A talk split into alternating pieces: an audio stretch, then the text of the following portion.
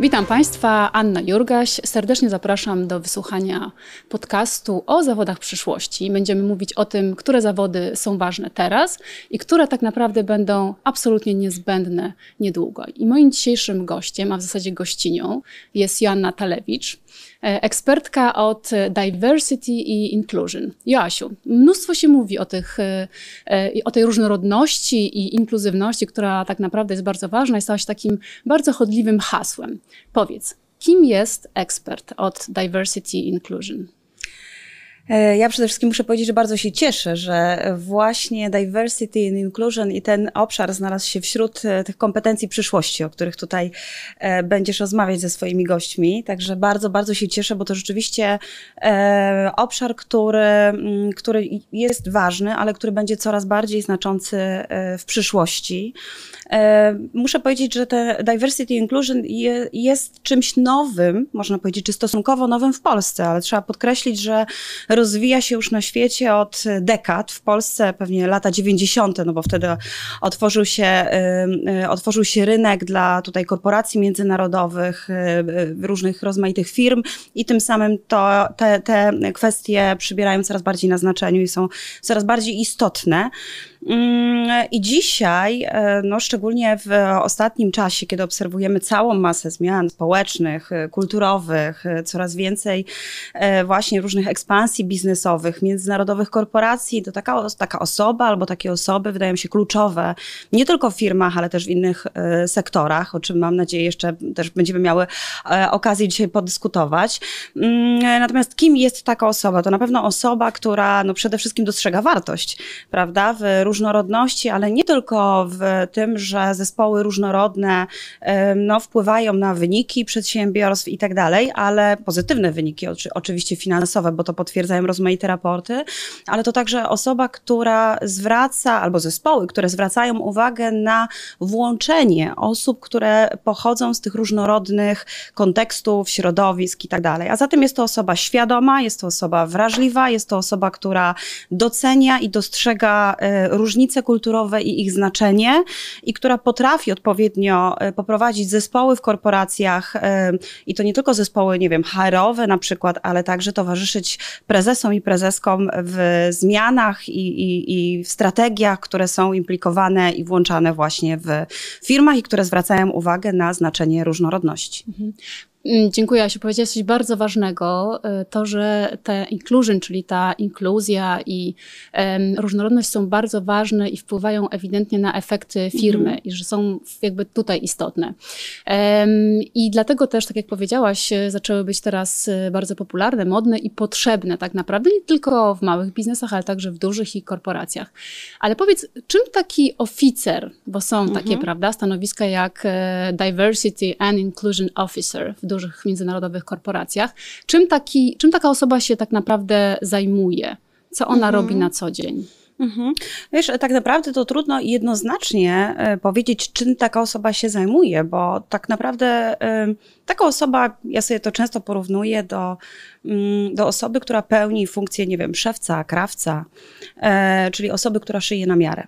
Musimy pamiętać, że nie ma y, czegoś takiego w kontekście diversity inclusion jak pewne standardy uniwersalne, Oczywiście one są, jeżeli mówimy o tym, że dostrzegamy znaczenie tej różnorodności, zwracamy uwagę, prawda, jako osoby, które zajmują się mm, wdrażaniem takich strategii e, czy, czy konsultacjami w tych obszarze, na to, by żadne z grup nie były e, mniej reprezentowane w firmach, no bo to też znacząco może wpłynąć na wyniki, ale też każda firma to inne doświadczenie, to inne środowisko, to inna kultura organizacji i różne wyzwania, więc o tym należy pamiętać, że nie nie ma tutaj jakiejś takiej listy od 1 do 10.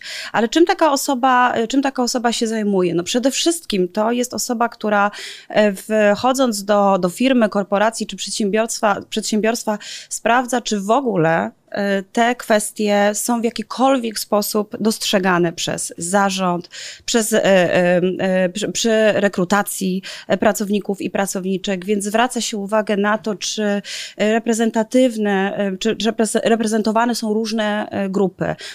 I, i tutaj mówimy zarówno o płci, jak i o osobach, które są w różnym wieku, mówimy o osobach z niepełnosprawnościami, mówimy o osobach nieheteronormatywnych, więc jakby zwracamy uwagę, czy tutaj wszystkie te grupy są odpowiednio reprezentowane, ale też zwracamy uwagę na to, czy jak w jaki sposób podejmowane są decyzje, na przykład właśnie związane z rekrutacją pracowników i pracowniczek, ale też z podnoszeniem ich kwalifikacji, czyli mówimy o awansach, tak? Czy wszystkie tutaj e, kryteria zostały spełnione? Czy nie mamy problemu w firmie czy w przedsiębiorstwie z ukrytymi i nieuświadomionymi, nieuświadomionymi uprzedzeniami, prawda? E, to bardzo też e, tutaj ważny, ważny obszar. Jak wyglądają płace? Czy tutaj nie ma jakichś dysproporcji, na przykład między kobietami i mężczyznami, co jest bardzo tutaj e, istotną e, kwestią i, i, w Polsce jest to temat, mam wrażenie, coraz bardziej e, obecny, nie tylko w dyskusjach, ale też w takich praktycznych rozwiązaniach korporacyjnych. Więc te wszystkie kwestie przede wszystkim muszą być uwzględnione, ale też to jest osoba, która no, musi dostrzec, czy, czy, czy nie jest tak, że głosy pewnych osób po prostu nie mogą wybrzmieć, pomysły, pewne strategie, które mogą być wdrażane i pozytywnie płynąć, wpłynąć na przedsiębiorstwo z uwagi na pewną kulturę organizacji, która na przykład nie, nie, nie, nie, nie dopuszcza e, albo konstruktywnej krytyki, która może być związana z inną opinią, albo z tym, aby każda osoba e, i każda grupa mogła wyrazić e, swoją opinię albo mogła zaproponować jakieś pomysły czy, czy rozwiązania, które mogą pozytywnie wpłynąć. Więc to jest też taka osoba, która, no, umówmy się, powinna posiadać bardzo duże zdolności, zarówno komunikacyjne, yy, prawda, bo to musi być osoba, która potrafi się komunikować. To jest, musi być osoba, która jest empatyczna i wrażliwa na te kwestie i będzie potrafiła też je dostrzec, ale to też jest osoba, która posiada zdolności analityczne.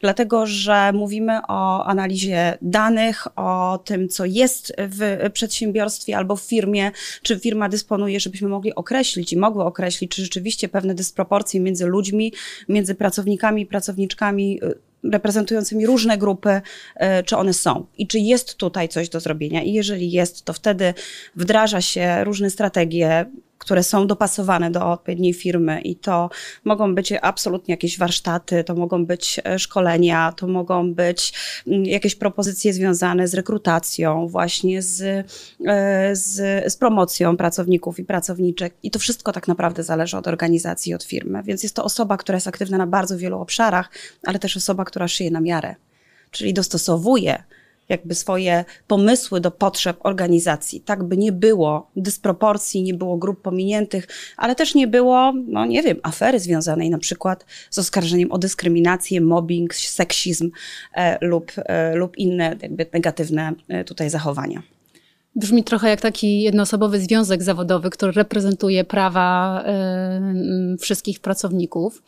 Y, powiedz, bo powiedziałaś o takich e, osobistych cechach, które taką osobę mhm. powinny wyróżniać, jak właśnie empatia, jak taka umiejętność analizowania. Mhm. Y, a czy są jakieś, jakie są takie umiejętności, które trzeba nabyć drogą edukacji, mhm. czy warsztatów, czy kursów, które, które tak naprawdę wzmacniają cię jako tego eksperta od różnorodności i inkluzywności?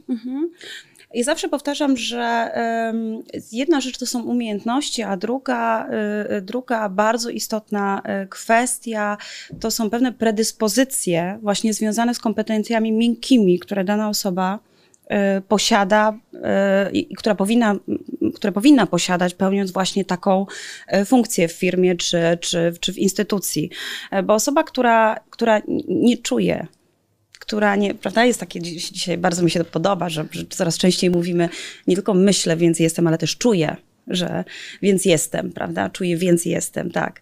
Że jest to osoba, która musi sama jakby być przekonana do, do tego, że zarządzanie różnicami kulturowymi, zarządzanie różnorodnością i włączenie grup e, niereprezentowanych jest, e, z wartością. Więc to jest bardzo ważne. To nie jest coś, czego da się. Oczywiście, że możemy się wyuczyć. I tutaj, jeżeli pytasz o wiedzę taką konkretną, twardą, to wszystko to, co związane jest z kompetencjami kulturowymi, z przeciwdziałaniem dyskryminacji, mechanizmy, które prowadzą do powstawania stereotypów i uprzedzeń, nieuświadomione uprzedzenia. Przecież my bardzo często nawet nie zdajemy sobie sprawy, prawda, że kieruje, kierują nami pewne e, jakieś stereotypowe kalki czy klisze, które wpływają na to, jakie decyzje podejmujemy, które wpływają na nasze e, też zachowania, a zatem tu mamy do czynienia i ze stereotypami, i z uprzedzeniami, i z dyskryminacją, więc musimy posiadać wiedzę w tym, w tym temacie. Ja, e, e, ja jestem antropolożką kulturową i bardzo ta dziedzina właśnie, która zwraca uwagę na różnice kulturowe, na relacje też międzyludzkie w kontekście budowania, nie wiem, zespołów, kultury organizacji, bo zawsze mnie to interesowało. Ta wiedza antropologiczna mi pomogła, prawda? Czyli dostrzeganie różnic między, między ludźmi, jakby umiejętności zidentyfikowania, jakie napięcia na tym tle mogą występować, ale też co my możemy zrobić jako człowiek, co my możemy zrobić jako taka osoba, która pełni taką funkcję e, osoby, która pomaga zrozumieć to innym. A zatem, jeżeli musisz pomóc komuś coś zrozumieć, to sama musisz nie tylko to rozumieć, ale musisz to wierzyć. Musisz być przekonana, że to ma wpływ na to, co e, robią inni, na to, jak zachowują się inni, a jeżeli mówimy o takim impakcie biznesowym, to oczywiście jak to wpływa na wyniki firmy, prawda? No bo też e, w, na samym końcu chodzi o to, jakie korzyści, prawda? Mówiąc tym językiem korzyści e, biznesowych, jakie korzyści będzie miało dane przedsiębiorstwo czy firma, wprowadzając taką strategię i budując zespół, który będzie zajmował się różnorodnością, włączeniem diversity, inclusion i strategiami z tym związanymi. Tak, proszę Państwa, to nie jest tylko y, dobry PR, y, zatrudnienie takich osób, to nie chodzi tylko o to, że to jest politycznie poprawne i tak naprawdę teraz wypada trochę y, więcej zwracać uwagę i na ekologię z jednej strony, z drugiej strony na ten dobrostan naszych pracowników, ale realnie, tak jak mówisz Jasiu, w badaniach wynika, że ten dobrostan, czyli ta różnorodność, inkluzywność, poczucie bezpieczeństwa, czyli wszystko to, czym zajmuje się taki ekspert i stara się tym nawigować w firmie, wpływa na, tak jak powiedziałaś, korzyści firmy i końcowy efekt finansowy mm, tak. ca całości. E, dobrze, powiedziałeś, że tak jak powiedziałeś, że jest to rodzaj ja sobie to nazwam tak misji jednak, że gdzieś tam mhm. w sobie trzeba mieć taką potrzebę e, naprawiania świata, troszeczkę e, trzeba lubić ludzi, lubić siebie. Natomiast jeszcze wrócę do tej takiej twardej wiedzy. Jeżeli słucha mhm. nas ktoś, kto chciałby e, zostać takim mhm. ekspertem, to co? To powinien pójść na studia tak jak ty, na przykład antropologia mhm. kultury. Co jeszcze, które jeszcze studia tak naprawdę mogłyby się tutaj przydać albo być takim punktem wyjścia do mhm. tego, żeby zostać takim specjalistą? Wiesz co, wydaje mi się, że generalnie studia humanistyczne przygotowują do e, pełnienia tego typu funkcji. Oczywiście później te wiedzy, więc socjologia, e, antropologia, e, ale też psychologia, jest taka gałąź psychologiczna czy specjalizacja właśnie, która zajmuje się tym obszarem międzykulturowym prawda? Czyli tak zwana psychologia międzykulturowa, psychologia stosowana, więc rozmaite, prawda, e, tutaj specjalizacje związane z, z, z psychologią, ale też e, zarządzanie. To też jest coś, co bardzo pomaga, prawda, e, takiej osobie w, w pracy właśnie w obszarze diversity inclusion. I muszę powiedzieć tak, że z bólem serca, aczkolwiek z dużą nadzieją, z bólem serca chciałam powiedzieć o tym, że mm, bardzo mało jest jednak jednak studiów, które przygotowują w Polsce do pełnienia tej funkcji. E, o nadziei mówię wtedy, kiedy patrzę, jak to wszystko się pięknie rozwija. E, bo jeszcze w zeszłym roku, czy, czy półtorej roku temu, to właściwie nie było dostrzegalne. Ja sama szukałam, jak tutaj się, jak tutaj się, wiesz, jak, jak doszlifować tę wiedzę, jak, jak, jak nauczyć się przekładać tę wiedzę antropologiczną na ten właśnie język i potrzeby biznesowe. Ja znalazłam, e, ja znalazłam e, świetne studia podyplomowe na Cambridge University i to był nawet nie studia podyplomowe, tylko bardzo intensywny e, taki sześciotygodniowy kurs, który bardzo mi pomógł i oczywiście takie studia, kursy można dzisiaj znaleźć na wielu międzynarodowych międzynarodowych, najlepszych uczelniach świata, na, na Stanfordzie, na, właśnie na Cambridge, tak jak, tak jak powiedziałam, ale też na Harvardzie, prawda, na różnych uczelniach, ale i można to zrobić online, to jest, co jest też fantastyczne, tak, więc jakby nie trzeba wyjeżdżać na drugi koniec świata, żeby, żeby szlifować te umiejętności, ale w Polsce też obserwuję, że tutaj ta gałąź coraz bardziej się rozwija. Już są studia na SWPS-ie, które co też byłam bardzo pozytywnie zaskoczona, już zwracałam uwagę na neuro, neuroróżnorodność, która też jest takim bardzo ważnym obszarem, e, e, który już no, w, w, przez wiele międzynarodowych firm jest e, podejmowany, tak? Między innymi Microsoft czy JP Morgan, prawda? Ford też, prawda? Zwracałem uwagę na to, że nie jesteśmy wszyscy osobami neurotypowymi i, i, i, i często jest tak, że te największe, po prostu wybitne wręcz, prawda? Prawda, umysły to, to osoby, które nie są neurotypowe. Nasze mózgi pracują różnie i warto zwrócić na to uwagę w rekrutacji, żeby takiej osoby nie stracić, prawda? E, e, wprowadzając pewne takie utarte schematy i standardy, e, które jakby zakładają, że wszyscy myślimy w, w ten sam sposób i w ten sam sposób postrzegamy rzeczywistość. Więc na SWPS-ie już studia podyplomowe z neuroróżnorodności można zrobić, ale też różne uczelnie ekonomiczne. Zwróciłam zwróciłam uwagę, że też w Poznaniu można na takie studia pójść. E, e, Łazarski też, prawda? Też e, studia podyplomowe tutaj są prowadzone w Warszawie, więc można tutaj naprawdę szlifować tę wiedzę coraz częściej też na polskich uczelniach. Natomiast ja jakby wyniosłam ogromną wartość z, z takich spotkań w grupach międzynarodowych, dlatego że jak powiedziałam na początku, na świecie to już jest coś, co śmiga i hula tak, to już, jest, to, to, już nie jest coś, o czym dyskutujemy, że może warto. To już jest coś, co jest normą. Więc ja bardzo dużo na Cambridge nauczyłam się też od innych osób, od ludzi, którzy pracują w międzynarodowych korporacjach i firmach, którzy o diversity, inclusion jakby mówią w zupełnie już innych kategoriach i, i standardach. Ja też od nich czerpałam, prawda? Od, od, od ludzi, dla których to, to już jest pewnego rodzaju norma i, e, i te dyskusje były bardzo zaawansowane. I ja po prostu siedziałam, notowałam, e, pisałam, inspirowałam się. To było, to było, to było naprawdę szalenie e, dobre doświadczenie. Więc dzisiaj to już nie jest coś, czego trzeba szukać tylko na międzynarodowych uczelniach. Jeśli tak, to można też to zrobić online, więc to są chyba no, jedna z niewielu zalet pandemii, prawda, że otworzyła nam drzwi do wielu e, świetnych e, światowych możliwości edukacyjnych, ale można też e, wiedzę zdobywać w tym temacie w Polsce.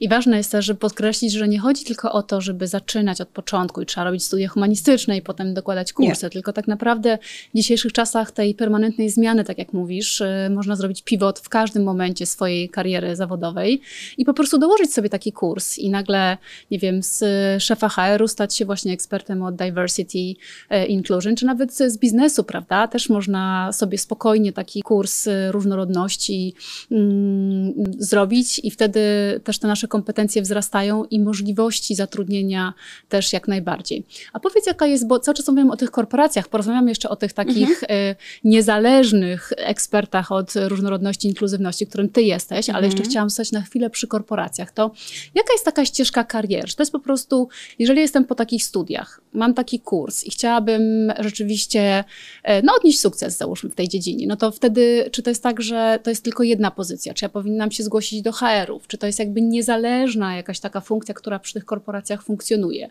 Mhm. Jak, to, jak to potencjalnie wygląda, tak jak mówisz, bo są wzorce, prawda, zachodnie, które tak. już mają to dosyć mocno przepraktykowane. Tak, e, wszystko zależy od firmy. Ja też przygotowując się tutaj do, do naszej dzisiejszej rozmowy, przejrzałam internet, nie ukrywam, przejrzałam też LinkedIna i takich ogłoszeń nie brakuje. I to są, e, i wiesz, i, i, rekrutacji, i rekrutuje się na stanowiska Diversity Inclusion Manager, Officer, tak jak mówiłaś. E, na świecie to już są e, w takich większych korporacjach, to już są zespoły prawda, mhm. od diversity inclusion. Bo bardzo ważne jest, żeby pamiętać, że diversity inclusion to nie tylko HR, prawda? To e, DNA całej organizacji. Żebyśmy mówili o sukcesie, to trzeba zadbać o to, żeby wszyscy byli świadomi tego, że w danej firmie jest to, bardzo ważne i istotne, ale też wszyscy mieli szansę, żeby edukować się w tym zakresie i dostrzegali w tym wartość, bo jak będą dostrzegać w tym wartość, to nie trzeba będzie tutaj do niczego zmuszać, tylko to jest, stanie się czymś bardzo naturalnym w organizacji, właśnie czymś, co ja określam takim DNA, e, DNA firmy. Więc to są takie e, osoby, które albo budują zespoły, albo e, pełnią funkcję taką konsultingową, czyli pomagają, prawda, wchodząc do organizacji, po pierwsze, pierwsza muszą, jest bardzo potrzebna i kluczowa jest diagnoza, tak? Jak to wygląda w danej korporacji, jak to wygląda w danej firmie, więc tutaj jeszcze jedna umiejętność takiego e, właśnie taka, takie wręcz powiedziałabym umiejętności badawcze, połączone z tym analitycznym myśleniem. I wiesz, bardzo często to też jest tak, że jednak e, e, jedna osoba nie jest w stanie pomieścić aż tylu talentów i tylu jakby różnych rozmaitych predyspozycji, więc ja zawsze sugeruję, że, żeby, żeby to były zespoły, ale czasami są to właśnie mm, albo jest jest to, jest to taka rola konsultingowa, albo jest to taka rola takiej osoby edukacyjna, żeby doedukowała zespoły. Coraz częściej spotykam się i ja przynajmniej takie zlecenia mam, co bardzo mnie cieszy, że, że liderzy, liderki organizacji, prawda, proszą o takie indywidualne też konsultacje, prawda, czyli to są też takie procesy, przez które przychodzimy, jak ja to mówię, we dwoje albo we dwie, prawda? Żeby pomóc zrozumieć, też zderzyć się z tym, co jest we mnie i jak robić to skutecznie w organizacji, co jest uważam świetne, dlatego że wiemy, prawda, nie od dziś, że rybka się psuje od główki, więc choćbyśmy nie wiem, co zrobili w HR-ach albo gdzie indziej, to jak y, nie będziemy tej kadry zarządzającej do tego angażować, to, to, będzie, to będzie bardzo trudno. Więc to jest też osoba, która musi no, posiadać takie umiejętności, które pozwolą pracować z, z liderami, z liderkami. Więc wiesz, nie ma mam tutaj jednoznacznej odpowiedzi, jaka jest ścieżka kariery, bo ona może być naprawdę różna. Ja jako na przykład taka niezależna mm, konsultantka, y, ekspertka, albo pracuję z zespołami, albo pracuję, o, niedługo mam na przykład, jest y, fuzja, pracuję też z mediami na przykład, prawda, czyli jest y, fuzja medialna, prawda, łączą się zespoły i tutaj pracuję już z zespołami, które, które muszą nauczyć się też rozumieć tę drugą stronę, tę drugą stronę, która funkcjonuje w zupełnie innym kontekście kulturowym, językowym, kontekście związanym z wartościami, tego w jaki sposób podejmuje się decyzje i tak dalej. I zauważyłam, że, że tutaj te polskie zespoły, my już nie chcemy być z tyłu, to cały czas słyszę, nie chcemy być oskarżani o rasizm, bo często nam, prawda, mówią, tak, nam te, te gęby dorobiono tutaj, że jesteśmy polskimi właśnie tutaj ksenofobami i rasistami. My nie chcemy, chcemy pokazać, że potrafimy. I więc to jest też e, często taka naprawdę, i to bardzo mnie cieszy, inicjatywa samych zespołów. Więc to mogą być osoby, które albo robią diagnozę w firmie e, czy organizacji, albo pracują z zespołami, albo pracują z HR-ami i pomagają usprawnić e, i, i, i tu, tutaj te procesy rekrutacyjne. Albo są to też takie ścieżki, które związane są z pracą indywidualną, albo z menadżerami i menedżerkami, albo po prostu z liderami już takimi najwyższymi, w, tutaj mówię o osobami w organizacji najwyższymi. Oczywiście chodzi mi o funkcje, prawda, które pełnią, więc też praca z liderami i liderkami organizacji. Więc to zależy od potrzeb, prawda? I ja zawsze szyję na miarę. E, czyli są jakby tak, tak, jest wiele dróg pewnie, tak jak mówisz, bo to jest bardzo skustomizowany zawód i tak. E, on jest skustomizowany jakby na potrzeby firmy, ale też jakby w, związany z twoimi umiejętnościami. Mhm. Ale ja tutaj słyszę o takich dwóch możliwościach. Jedna możliwość to jesteś e, inside, czyli jesteś jakby w elementem firmy, w firmie, jesteś takim stałym tak. pracownikiem, który po prostu zarządza tą różnorodnością, ale to też jest związane trochę z KR-em, z rekrutacją, ale też z pewnie z zarządzaniem zmianą, z zarządzaniem tak. konfliktem, e, z kryzysem i, i, z wszystkimi takimi trudnymi sytuacjami, przez które trzeba przeprowadzać zespół, który powinien być e, Zgadza się. jednolitą wspólnotą, nazwijmy to e, w Zgadza taki się. sposób. Pozwól, że wejdę Ci w słowo, Aniu, bo nie dalej jak wczoraj miałam taką, taką rozmowę z z grupą e, menadżerów, którzy właśnie poprosili mnie i tutaj też nie, nie, nie, nie powiedziałam tego, dziękuję Ci, że zwróciłaś uwagę na to e, zarządzanie kryzysowe i właśnie tą pracą, wiesz, już w sytuacjach, kiedy, kiedy mamy do czynienia z konfliktem, bo to są też takie właśnie konsultacje, które, które, z którymi ja, ja coraz częściej się spotykam, tak? U nas jest taki i taki problem i co mamy z tym zrobić? My nie, nie chcemy, żeby tak było. Nie chcemy do tego doprowadzać i nie chcemy skandalu na całą całą Polskę, prawda? E, to jest inna sprawa, ale też e, jakby, no, chcemy zarządzić jakoś tę sytuację, żeby ten konflikt nie, nie eskalował. I tutaj to jest też bardzo ważne, żeby pamiętać, że z jednej strony to jest, wiesz, te wiedza i umiejętności związane z diversity inclusion, ale z drugiej strony to zawsze jest ta taka też analityczna umiejętność, bo trzeba zanalizować, trzeba przygotować tę diagnozę, więc, więc to też jest bardzo, bardzo ważne. Więc z jednej strony możesz być w korporacji na etacie, wiesz, diversity inclusion manager albo, albo officer, prawda, jak zależy jak, jak to stanowisko jest określone czy tam nazwane.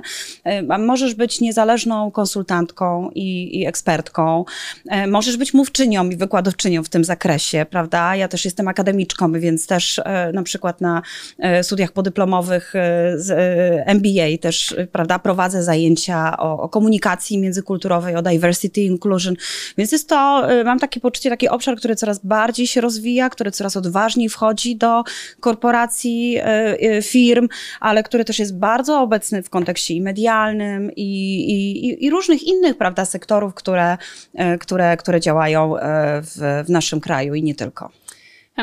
Ale to nie tylko biznes, prawda? Bo też opowiadałaś mi o tym, że współpracujesz e, przy filmie, który, mhm. który opowiedz, bo to też jest mhm. ciekawe, że jakby to e, ten ekspert od tego, od tej różnorodności, jakby tak naprawdę jest potrzebny jako doradca w bardzo różnych strefach naszego życia tak. i różnych strefach pracy, w której mhm. funkcjonujemy. Tak. Powiedz, po co, po co przy filmie, przy robieniu filmu, po co taki ekspert od mm -hmm. różnorodności, inkluzywności? Mm -hmm. Tak, rzeczywiście pracuję przy dużej, e, no już można powiedzieć światowej produkcji, bo premiera nie będzie tylko w Polsce, ale w 190 e, państwach na świecie. E, I tak, z jednej strony właśnie chodzi jednak o tę poprawność polityczną i dostosowanie e, do jakiegoś takiego, wiesz, e, e, uniwersalnego kontekstu związanego z szacunkiem do, do odmienności odmiennych kultur, właśnie z szacunkiem do różnorodności, jakiego języka używamy, co my komunikujemy, czy my, i to jest też niesamowite, bo pracuję wiesz, z całym zespołem e, tutaj filmowców, e, jestem częścią zespołu produkcyjnego. To jest strasznie trudna też praca, bo, bo, bo ja pełnię funkcję takiego mostu między światem filmowym, a społecznością, w której osadzony, odmienną kulturowo społecznością, w której osadzony jest e, serial. E, I to, na co ja też zwracam uwagę, to, e, to osoby, które, mm, mówię o twórcach, prawda, i o całej produkcji, jak oni bardzo są też wrażliwi, jednak zwracają uwagę na to, żebyśmy nie reprodukowali i nie, nie, reprodukowały stereotypów, żeby nie wzmacniać pewnych kalek, bo to jest naprawdę o, ogromnym zagrożeniem. A dzisiaj jednak żyjemy w świecie poprawności politycznej, czy nam się to podoba, czy nie, tak jest, to, to taka produkcja po prostu też nie ma szans, y, y, prawda, na, na globalny sukces, kiedy jest produkcją właśnie krzywdzącą w jakiś sposób kogoś, czy językiem, czy sposobem narracji, czy sposobem przedstawiania tej społeczności. Musimy pamiętać, że zarówno filmowcy, jak i prezesi czy prezeski organizacji, jak i my wszyscy, my wszyscy mamy stereotypy. My nie, nie, nie, jakby nie musimy sobie narzucać jakiegoś takiego, e, wiesz, e, poczucia, że, że musimy wiedzieć wszystko. Możemy nie wiedzieć. I też po to są takie osoby jak ja.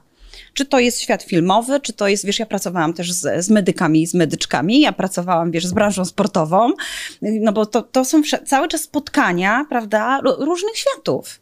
I, i ta, ta osoba, która pełni tę funkcję, którą ja akurat pełni, którą uwielbiam pełnić, to jest osoba, która jest mostem, która łączy, który pozwala, która pozwala zrozumieć, nie, nakazu, nie nakazuje, ma być tak i tak i tak, bo to nigdy nie przynosi efektu, tylko pozwala zrozumieć, dlaczego to jest ważne, jakie mogą płynąć z tego konsekwencje, albo jak to jest też być po tej drugiej stronie, i tutaj mówię o empatii, i troszkę pospacerować w butach tych społeczności, które są wykluczane, niereprezentowane, prawda? I dlaczego ich głos może być mniej słyszalny, a my czasem po prostu zupełnie nieświadomie możemy tego głosu nie dostrzegać, prawda? I ile na tym możemy stracić? To jest też ważne, żeby to y, było uświadomione i żeby to było widoczne. I to jest właśnie coś, co robi taka osoba jak ja. Fascynująca praca, muszę powiedzieć, bo się z różnymi środowiskami spotykam i, i wiele nowych wyzwań zawsze mi towarzyszy, więc o rutynie nie ma mowy. Słuchajcie, zawód dla kogoś, kto lubi zmianę, przygody, spotkania z różnorodnością, ale ma też w sobie mnóstwo empatii i takiej otwartości na inność i potrafi innych zachęcać do tej otwartości i próbowania nowego.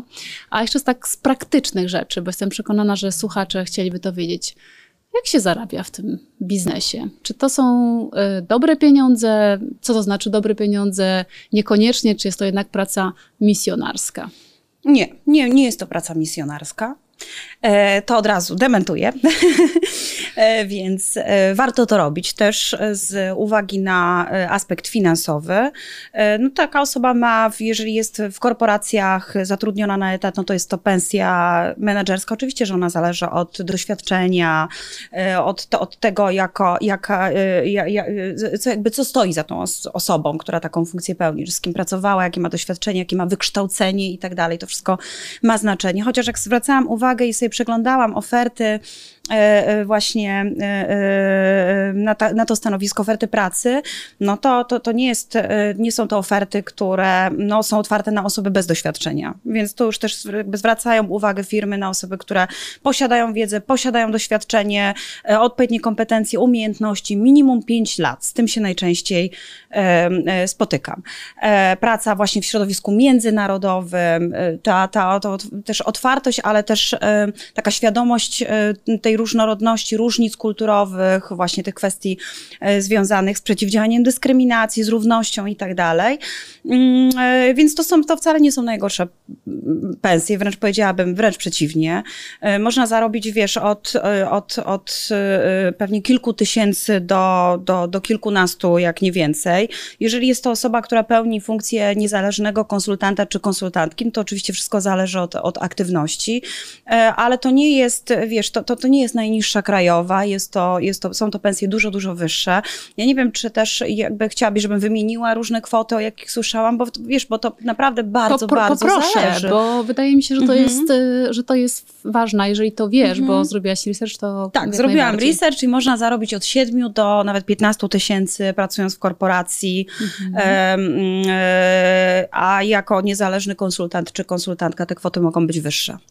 Oczywiście, bo to zależy od projektu. To zależy prawda? od, projektu. od ilości projektów, które, czy konsultacji, które weźmiesz tak, w miesiącu. Tak, i od potrzeb, bo to może być tak, że firma chce po prostu wprowadzić e, diversity inclusion jako część takiej strategii e, firmy i wtedy to jest dłu, znacznie dłuższa praca, to nie są tylko pojedyncze warsztaty, co zawsze odradzam, bo pojedyncze warsztaty nie czynią zmiany, nie wpływają na postawy pracowników i pracowniczych, więc nie osiągniemy tego efektu. Ale jak już wchodzę do, do firmy na kilka miesięcy, i to jest właśnie ten konsulting, to jest prowadzenie, to, jest, to są też e, stworzenie diagnozy i później towarzyszenie w tych procesach, plus działa, taka edukacja w tym obszarze, no to to już po prostu są znacznie, prawda, bardziej rozbudowane projekty i, i, i nie trzeba już robić nic więcej, o, tak powiem. Mhm. A jak przyszedł do ciebie taki człowiek, który jest na początku tej drogi i ewidentnie ma wszystkie predyspozycje, załóżmy, że ma edukację, ma kurs zrobiony, no ale nie ma doświadczenia, to od czego ty uważasz, on powinien zacząć? Co zrobić, żeby właśnie zbudować tą swoją e, markę osobistą w tym zakresie? Mhm. Och, dzisiaj tyle możliwości nam daje e, te, internet. właśnie podcasty, e, rozmowy, e, teksty, tak, tego typu aktywność publiczna, ona zawsze, zawsze się sprawdza, bo warto powiedzieć ludziom, tak, ja potrafię to robić. Ja chcę to robić i jestem dla Was możecie korzystać z mojej wiedzy, umiejętności i tak dalej. Są media społecznościowe, które też nam mogą pomóc prawda, w dotarciu do różnych grup.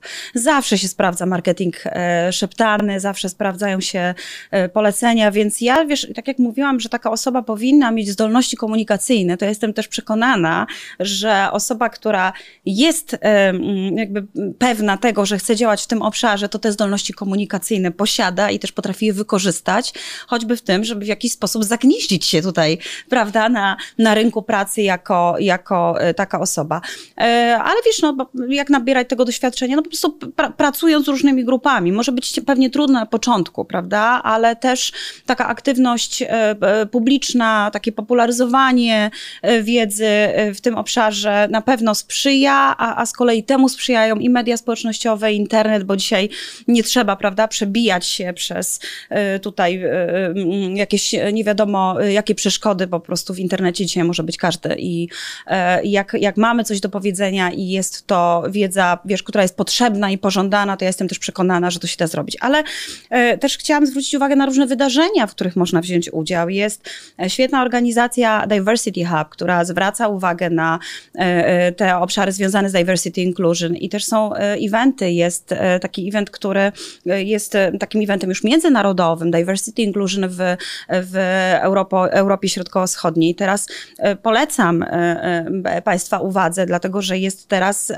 otwarty taki open call na konferencja będzie, o ile dobrze pamiętam, jakoś chyba późna jesień, e, ale można zgłosić swoje, swoje wystąpienie, jakiś temat, z którym się, prawda, z którym chcemy się podzielić, można zaproponować jakiś panel i to też jest świetna okazja do tego, żeby zaistnieć, czyli też śledzić, co się dzieje w tym obszarze, a w Polsce, tak jak już powiedziałam, dzieje się coraz więcej, więc e, e, na, takie, na taki Diversity and Inclusion Summit można się, prawda, wybrać, jest to otwarte wydarzenie, nie tylko jako speaker czy speakerka, prawda, ale też po to, żeby, żeby, żeby tutaj no, robić ten networking, prawda, żeby, żeby poznawać ludzi, żeby zaistnieć w tym e, środowisku, które no, będąc na takim evencie, dla którego to jest ważne, prawda? Więc, więc też bardzo polecam e, Waszej uwadze i Państwa uwadze.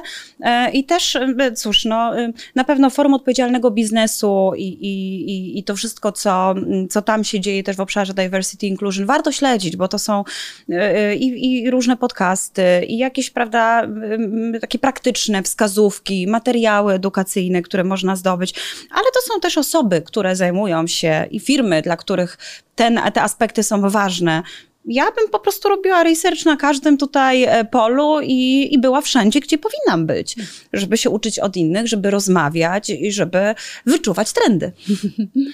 Czyli z jednej strony budujemy swoją markę osobistą e, w social mediach, ponieważ to jest bardzo istotne, czyli jakby interesujemy się tematem, pewnie publikujemy na ten temat. E, z drugiej strony uczestniczymy we wszystkich interesujących eventach tematycznych, i robiąc networking, bo to też jest jakby osadzanie siebie, prawda, w tej mhm. pozycji, w środowisku, które nas interesuje. Wydaje mi się, że fajnie by było do tego do, dodać może wolontariat, który właśnie mhm. byłby związany z różnymi grupami etnicznymi albo mhm. właśnie z tą różnorodnością, żeby e, gdzieś tam też pojawiło się takie doświadczenie, prawda, to co mówiłaś o tej międzynarodowości, o tym, o tym, o tej inkluzywności, tak. że to, to pewnie byłoby istotne. A co ze stażami w takich, w mhm. takich organizacjach? Czy, kto, gdzie ty byś poleciła? Gdzie ja bym miała pójść do której organizacji najlepiej uderzyć, jeżeli jestem na początku tej drogi, mam już taką malutką e, swoją markę osobistą, mm -hmm. wiem, że się tym interesuję, ale chciałabym jednak zdobyć takie doświadczenie, które, które będzie mi potrzebne potem, e, żeby zdobyć e, pracę moich marzeń. Mm -hmm.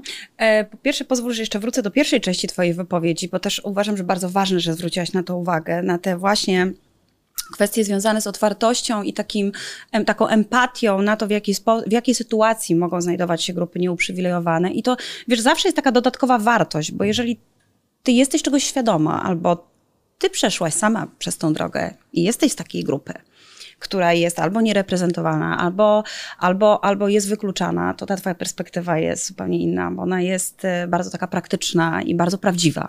A dzisiaj to ma ogromne znaczenie i ludzie to czują. E, Verna Meyers, tak, to jest osoba, która pełni taką funkcję w Netflixie globalnym. Ona jest specjalistką od diversity inclusion e, i też polecam uwadze, można w internecie zobaczyć taki filmik właśnie, w którym ona przedstawia, dlaczego to jest ważne dla Netflixa i dlaczego ona pełni tę funkcję, jest afroamerykanką i opowiada opowiada o tej swojej drodze, e, właśnie którą przeszła i która e, no, jakby wiązała się z jej takim przekonaniem, a wręcz obowiązkiem, że to trzeba zrobić i dać szansę tym i wzmocnić tych, którzy być może nie mają tyle siły, ile ona miała, upadając niejednokrotnie. To jest szalenie ważne. Mhm. To jest bardzo ważne i bardzo istotne. E, I cieszę się, że o tym, że o tym wspomniałaś. Jeżeli chodzi o staże, ja wspomniałam o, o Forum Odpowiedzialnego Biznesu, bo, bo, bo właśnie ta organizacja jest e, odpowiedzialna za wdrażanie karty różnorodności, e, która w Polsce, to, to jest taka, taka inicjatywa, która ma zwracać uwagę na e, to, jakie firmy właśnie wdrażają tę politykę diversity and inclusion i tą politykę równości i włączenia w swoje strategie, co się dzieje tutaj w tym obszarze, jak firmy tutaj sobie z tym radzą i, i które firmy i czym mogą się pochwalić. W Polsce w Polsce jest e, ponad 200 takich e, organizacji i firm, które, e, które są na tej liście i które mm, starają się wdrożyć politykę diversity inclusion w swoich, w swoich organizacjach, prawda, firmy, które wdrażają tę politykę diversity inclusion w swoich działaniach i ja bym też szukała tam. Czyli szukałabym firm, które, dla których to jest ważne, a ich naprawdę w Polsce nie brakuje. Robimy to różnie, mniej lub bardziej, bar, prawda, tutaj e, e, są to mm, działania, które mniej lub bardziej bym pochwaliła. Bardzo jestem przeciwna takim akcyjnym działaniom i tylko pojedynczym szkoleniom, bo to nie zmieni, tak jak powiedziałam, postaw i tego tej DNA firmy, ale no, jak to się mówi, lepszy ryc niż nic, więc każda okazja do edukacji jest ważna, ale jest, ja, ja, bym, ja bym właśnie tym, tym tropem szła, czyli dla które firmy są aktywne w tym obszarze, gdzie mogę się zgłosić, e, jak, czy może są zespoły, tak jak w Deloitte, to już są zespoły, prawda, które, które, które zajmują się e, strategią diversity inclusion i też starają się popularyzować wiedzę w tym obszarze. E, firmy, które prowadzą rozmaite fundacje też, prawda, więc ja bym szła tym tropem i to bym poleciła. Karta różnorodności, forum odpowiedzialnego biznesu i firmy, które, dla których właśnie te aspekty są ważne, a naprawdę ich nie brakuje. Mhm. Asio, tak na koniec, e, jaka jest przyszłość tego zawodu? Czy ty myślisz, no wiadomo, że mm, pewnie będzie tylko się wzmacniała pozycja, mhm. prawda, tego typu e, ekspertów e, i tej profesji, ale czy myślisz, że są tam jeszcze jakieś takie pola nowe zupełnie do eksploatacji, także gdzieś tam ten, ta potrzeba tej różnorodności i inkluzywności i zarządzania temu gdzieś jeszcze się pojawi? Tak, moim zdaniem to się już dzieje, ale niestety zbyt mało Y, o tym mówimy w Polsce, zbyt mała świadomość y, w tym obszarze, mm, zbyt małą świadomość w tym obszarze mamy i to są, to jest, y, to jest ESG albo ESG po angielsku, czyli coś, co troszkę spycha CSR E, do drugiego rzędu. ESG, czyli Environmental, Social i Governance. To jest coś, to są wskaźniki, które mają doprowadzić do tego, aby firmy i przedsiębiorstwa w Unii Europejskiej były zrównoważone pod kątem właśnie środowiskowym, pod kątem zarządzania i pod kątem społecznym. I to już nie jest coś, co wypada i czym warto się pochwalić, jak to, prawda, jest w przypadku CSR-u, który dobrze, że jest, prawda, ja tutaj nie chcę być źle zrozumiana, ale to, to jest zbiór wskaźników, wskaźników, prawda, które, mm, które mm, e, jakby pozwalają nam e, powiedzieć, jak, w jakich, czyli jak, jak te obszary wypełnione są przez firmy i korporacje. I to już nie jest e, jakaś norma moralno-etyczna, tylko to już jest zobowiązanie, które stoi przed nami wszystkimi i które już jest częścią naszej polskiej rzeczywistości. Jest związane z dyrektywą Komisji Europejskiej z 2014 roku, o ile dobrze pamiętam. W Polsce SG już jest realizowana od 2018 roku roku, ale na razie e, ta sprawozdawczość związana z tymi wskaźnikami dotyczy dużych przedsiębiorstw, które albo są na giełdzie, albo zatrudniają ponad 500 pracowników i pracowniczek, ale już za kilka lat, 2026 rok, to będzie, to będzie norma, która będzie obowiązywała wszystkie przedsiębiorstwa, nawet te zatrudniające powyżej 10 osób. I diversity inclusion to jest ten środeczek, czyli social, ale to jest też governance, czyli jak to w jaki sposób firma jest zarządzana, więc to już nie jest coś, co wypada, tylko to jest coś, co trzeba wypełnić. Po prostu idziemy za trendami światowymi i całe szczęście, bo widzimy, co się dzieje na świecie, widzimy, ile przed nami wyzwań. Mówiłam o tych tutaj zmianach społeczno-kulturalnych, ale przecież trzeba powiedzieć po prostu, ile mamy kryzysów, prawda? I jak globalizacja i też, e, e, prawda, ta wymiana rynków, ale też e, pogoń za zyskiem, e, mówię tutaj o skalowalności biznesu i też ekspansji na rynki międzynarodowe, wiąże się z tym, że trzeba tym jakoś zarządzić i trzeba włączyć też tych ludzi, także tych, których nie rozumiemy, których nie znamy i po prostu trzeba się tego nauczyć. I takie osoby będą przez te procesy firmy, liderów i liderki e, przeprowadzały. I to jest coś, co stanie się normą. I niestety jest to też tak, że jak tego się nie wymusi, to, to po prostu, no, no, może to wypada, może to nie wypada. Nie, to trzeba zrobić, prawda? Bo zaraz, y, y, prawda, zmiany y, klimatyczne albo różne napięcia między ludźmi po prostu nas wykończą, a nie chcemy tego, prawda? Chcemy spokojnego życia, co po ostatnich latach różnych perturbacji jest chyba jakimś po prostu, no nie wiem, pobożnym życzeniem albo marzeniem, ale ja bardzo w to wierzę, że jak my zaczniemy po prostu aktywnie i świadomie nad tym pracować, to my jesteśmy w stanie wpływać na tę rzeczywistość, tylko trzeba to zrobić i na, na to wychodzi, że trzeba to wymusić po prostu pewnymi przepisami i normami, które już w przypadku SG e, istnieją. Więc to jest ogromna przyszłość i to jest powiedziałabym, nisza niezagospodarowana, która dopiero rozkwitnie. A biorąc pod uwagę to, ja przez wiele lat e, uczyłam się na, e, pracowałam i uczyłam się poza Polską, e, to ja już to widziałam, wiesz, 10-15 lat temu, będąc w Stanach, e, Wielkiej Brytanii czy w innych krajach. Od nich się uczyłam i, i jestem przekonana i pewna, że, że to jest teraz e, czas na Polskę i to jest absolutnie coś, co będzie, co jest przyszłością i co będzie się rozwijać, także w obszarze biznesowym.